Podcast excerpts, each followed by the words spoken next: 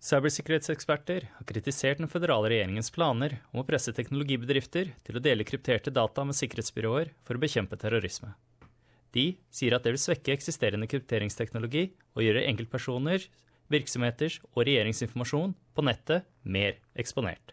Statsministeren beskriver meldingskryptering som et viktig sikkerhetsspørsmål for alle som bruker internett, enten de handler, bruker banken eller chatter på nettet. Men Malcolm Turnbull sier at krypterte meldinger også brukes av kriminelle og terrorister. The Collation Government vil at lovene skal endres, slik at teknologi- og sosialmediebedrifter blir tvunget til å hjelpe sikkerhetsbyråer med å dekryptere beskytta informasjon. Turnbull fortalte parlamentet tirsdag at dette vil bli tatt opp til diskusjon blant medlemmer i det såkalte Five Eyes-samarbeidet, hvor USA, Storbritannia, Canada, Australia og New Zealand deler etterretningsinformasjon. We are at the forefront of efforts to address future threats. And with this objective, the Attorney General will be in Canada later this month to meet with his Five Eyes counterparts and discuss what more can be done among our like minded nations and with the communications and technology industry to ensure terrorists and organised criminals are not able to operate with impunity within ungoverned digital spaces online.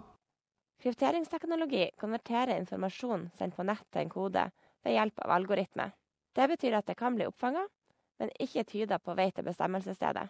Kun den tiltenkte mottakeren har algoritmen, eller nøkkelen, for å lese eller dekryptere de opprinnelige dataene. End-to-end-kryptering betyr at ikke engang de som leverer tjenestene, som f.eks. WhatsApp eller Facebook, kan dekryptere den. Selv om en teknologibedrift ønsker det, kan ikke dataene dekrypteres og overføres til myndighetene. Chris Gatford er direktør for Hacklabs, et Sydney-basert selskap som utfører sikkerhetstjenester på internett for kunder over hele verden.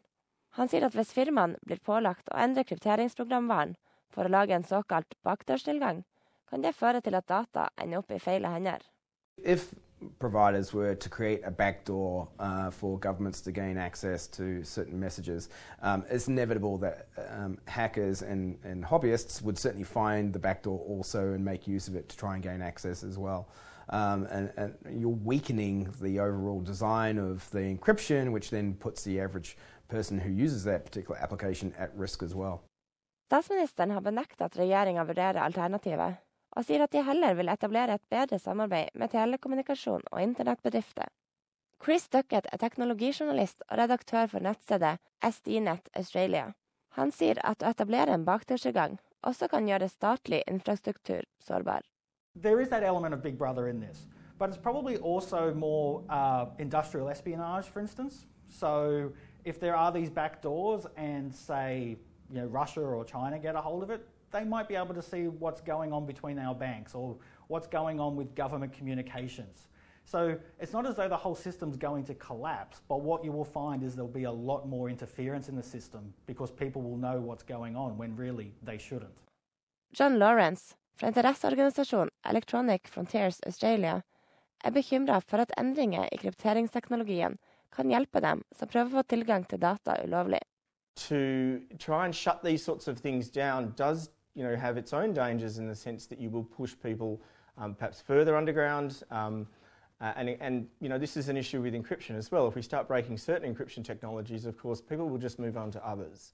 Um, and then you're in, in sort of a bit of an arms race or, or a game of whack-a-mole. And, and eventually, um, you know, the, the, the, really sophisticated terrorists and organised criminals are going to be well ahead of what uh, anything that the government's doing. Nigel Fair jobber for det australske federale politiet i 21 år inkludert fire år som etterforskningsleder for Hightech Crime Center. Han jobber nå for University Center for Internet Safety i Canberra, og sier at myndighetene har mange overvåkningsverktøy tilgjengelig uten å sikte seg ut kryptering. Metadata is the first one. It's really powerful and, and, and is very easy to use and provides a lot of rich data. There's things like physical surveillance, there's other electronic surveillance, and there's also eavesdropping on, on normal communication. Then we start going down to social media feeds and all the other things that people are doing out there, which give a really good picture of the sorts of people that are out there and the sorts of things that they're doing. Saken var laga av Helen Eisbister på SBS norsk. Jeg er Lone Martinsen.